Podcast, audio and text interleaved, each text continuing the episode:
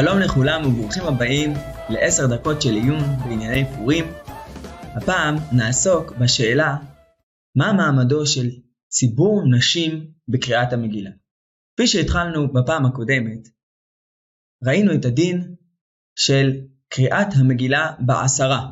נקרא את לשונו של השולחן ערוך בסימן תרצ, מגילה בי"ד ובט"ו צריך לחזור אחר עשרה, לחזר אחר עשרה, ואם אי אפשר בעשרה, קוראים אותם ביחיד. אם כן, לכתחילה נפסקה ההלכה שיש עניין לקרוא את קריאת המגילה בעשרה.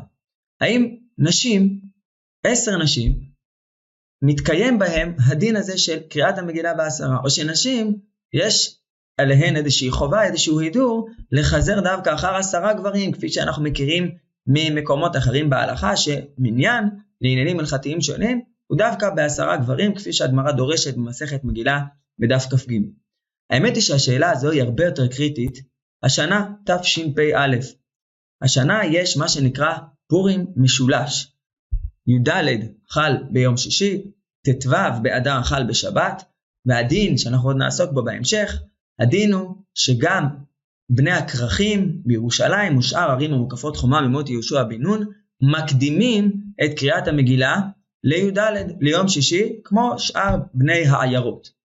ראינו בגמרא במסכת מגילה בפעם הקודמת, שגם לדעת רב בגמרא שם, כאשר מגילה נקראת שלא בזמנה, היא צריכה להיקראות, להיקרא דווקא בעשרה.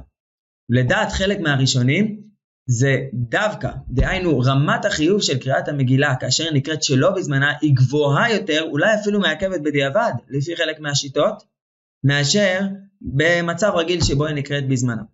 נשאלת השאלה, האם כאשר קריאת המגילה מוקדמת בכרכים ליום שישי, לי"ד, האם זה נחשב כמו קריאה שלא בזמנה? נחלקו בדבר הזה הראשונים, ולאחר מכן גם הפוסקים. רש"י, שכבר ראינו בפעם הקודמת, רש"י מסביר שהשלא בזמנה שמופיע שם בסוגיה, במסכת מגילה, מתייחס לקריאת בני הכפרים. בני הכפרים הרי קוראים קודם י"ד, ב-11, ב-12, ב-13. נראה מדברי רש"י שכרכים שמקדימים לי"ד זה לא נחשב שלא בזמנה. הזמן של קריאת המגילה, הזמן שגם כתוב בפירוש במגילת אסתר, הוא או י"ד או ט"ו. כאשר הכרכים לא יכולים לקרוא בט"ו, הם קוראים בזמן, הזמן שרוב העולם קורא, הזמן הרגיל של קריאת המגילה, שהוא י"ד. וזה גם מתאים לטעם שראינו בדברי רש"י, שרש"י אמר שהטעם שבגל, שבגללו קריאה שלא בזמנה מחייבת דווקא עשרה, הוא בגלל שאין פרסום הנס, כיוון שאין רוב העולם קוראים בזמן הזה. אם כן, בי"ד רוב העולם קוראים. אז גם בני הכרכים שקוראים בי"ד, אדרבה, כמעט כולם קוראים השנה בי"ד, ואם כן, יש פרסום הנס בקריאת המגילה. כך מדויק גם ברמב"ם, הרמב"ם כותב, וכל אלו שמקדימים וקוראים קודם 14, אין קוראים אותה בפחות מעשרה. משמע דווקא אלו שקוראים קודם 14, כך כבר דייק החזון איש, באורח חיים סימן קנ"ה, שמדברי הרמב"ם מבואר, דשלא בזמנו הנאמר בגמרא, אינו אלא חוץ מי"ד וט"ו. אלו שחכמים תקנו להם לקרוא קודם י"ד וט"ו. אבל בני חמישה עשר הקוראים בהרבה שר, איכא פרסום הטובה, כיוון שהוא זמן קריאה לרוב העולם. אם כן, לפי השיטה הזו, גם השנה אין שום הבדל בין מי שקורא מגילה אה, אין הבדל בדיעבד בין מי שקורא בעשרה ליחיד, זה רק הידור לכתחילה לקרוא בעשרה. אבל יש שיטה בראשונים, שיטת הריטווה והר"ן, שמה שכתוב בגמרא בדף ה' שלא בזמנה, הכוונה גם לקריאת הכרכים כאשר ט"ו יוצא בשבת והם מקדימים את קריאת המגילה ליום שישי לי"ד. גם זה נקרא שלא בזמנה. כך שיטת הריטווה, כך שיטת הר"ן, וכך פוסק המשנה ברורה להלכה כדבר פשוט, הוא בכלל לא מביא אפשרות אחרת, הוא כותב כדבר פשוט, שכאשר צריכים המוקפים להקדים ולקרותו בערב שבת, כמו השנה, בוודאי צריך לקבץ, לקבץ עשרה לקריאתו. ובזה עוד חמיר יותר, דאילי כעשרה, לא יברכו המוקפים עליה. אומר המשנה ברורה להלכה, לא מברכים אם אין עשרה. על הפסק הזה של המשנה ברורה הרבה חלקו, החזון איש חלק הזה, הרב מרדכי אליהו הלכה למעשה, פסק לא כך והביא שמנהג ירושלים לא היה כך. אם כן, פסק ההלכה שבדיעבד לא מברכים הוא לא כל כך פשוט. אבל ודאי שכיוון שיש שיטה כזו בראשונים, הלכה למעשה מקפידים יותר ומחמירים יותר לדאוג לכך שיהיה מניין דווקא השנה בקריאת הכרכים שקורים ביום שישי, דווקא השנה יותר מאשר שנים אחרות. ואם כן, עולה ומתחזקת ביתר שאת השאלה שאיתה פתחנו, האם כאשר נשים מתקבצות יחד לקריאת המגילה, עשר נשים יחד, האם מתקיים בזה הדין של קריאה בעשרה, קריאה בציבור, או שמא אולי דווקא השנה יש על אנשים חובה להקפיד ולקרוא במניין של גברים. כמובן, הכוונה נשים בכרכים שמקדימים את קריאתם ליום י"ד. אנחנו עוד נעסוק בהמשך הסדרה בשאלה הכללית של חיוב נשים לגבי קריאת המגילה. בעצם הדין הזה שנשים חייבות בקריאת המגילה, שהוא לא דין מובן מאליו, כיוון שלכאורה קריאת המגילה היא מצוות עשה שהזמן גרמה, אבל הלכה למעשה הדבר הפשוט הוא שנשים חייבות במקרא מגילה בדיוק כמו גברים. גמרא במסכת מגילה בדף ד', רבי יהושע בן לוי, נשים חייבות במקרא מגילה שאף הן היו באותו הנס. הריטב"א שם על הגמרא כותב שנשים אם כן חייבות כמו גברים. הן גם יכולות להוציא גברים ידי חובתן, ובזה בעזרת השם עוד נעסוק בהמשך. ואם כן אומר הריטב"א, הוא הדין שהן מצטרפות. ומדברי הריטב"א וגם שם מבואר, שלא רק שנשים יכולות ליצור ציבור של נשים על ידי עשר נשים, אלא הן גם מצטרפות אל הגברים. אם יש חמישה גברים וחמש נשים, מצטרפים יחד למניין, לציבור. יש כאן סוף סוף עשרה. באמת, בנקודה הזו אפשר לראות שלא כולם הסכימו עם הריטווה. הרמ"א כותב להלכה שיש להסתפק אם נשים מצטרפות לעשרה. אבל מי שמעיין גם במקורות של הרמ"א וגם בנושא הכלים סביב הרמ"א, רואה בצורה ברורה שהספק אינו האם נשים יכולות ליצור מניין נשים בהקשר הזה של קריאת המגילה, אלא האם הן מצטרפות לגברים, דהיינו האם אנחנו סופרים הלכתית צירוף של כמה נשים וכמה גברים לעשרה.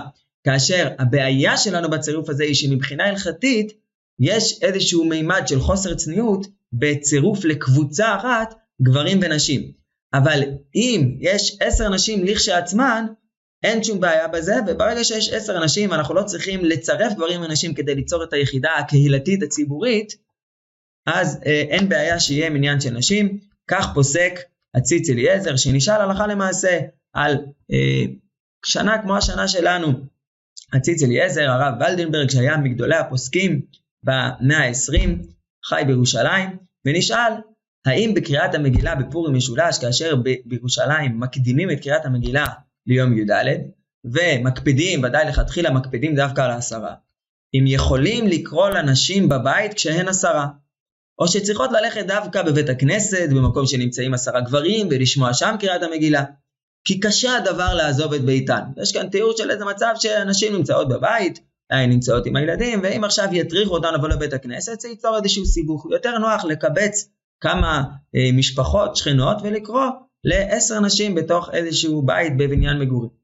מסקנת הציץ אליעזר, והוא מוכיח את זה באריכות, וכך מסקנת פוסקים נוספים, הנה לדעתי פשוט שיכולים לקרוא לפניהן כשהן עשרה, ולא צריכים שיהיו עשרה גברים.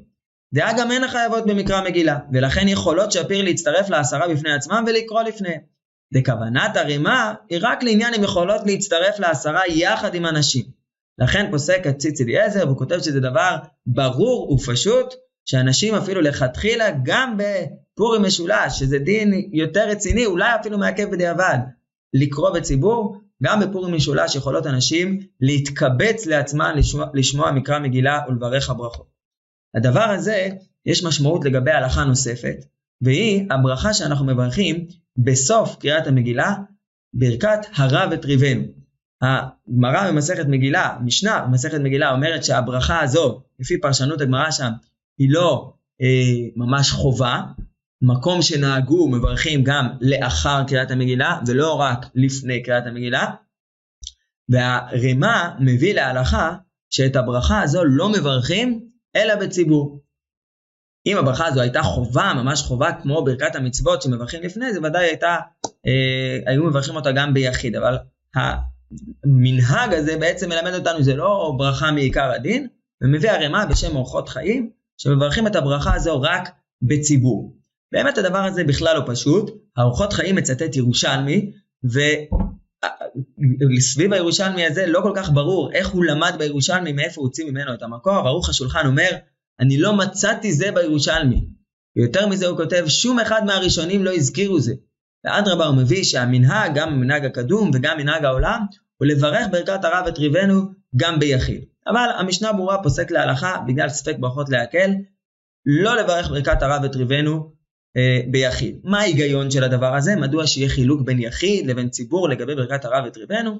אז מסביר ערוך השולחן, ויש לזה בסיס בקצרה יותר, כבר בריטווה במסכת מגילה בדף כ"א עמוד ב', והברכה הזו, ברכת הרב את ריבנו, שוב, היא לא ברכת המצוות, היא יותר ברכת הודאה, והיא קשורה למושג של פרסום הנס. הרב את ריבנו, הנפרע לישראל מכל צריהם האלה מושיע, יש פה איזה מימד של פרסום הנס, ופרסום הנס הוא דווקא בציבור, ולכן המנהג לברך את הברכה הזו הוא מנהג דווקא בציבור ולא ביחיד, לפי השיטה הזו.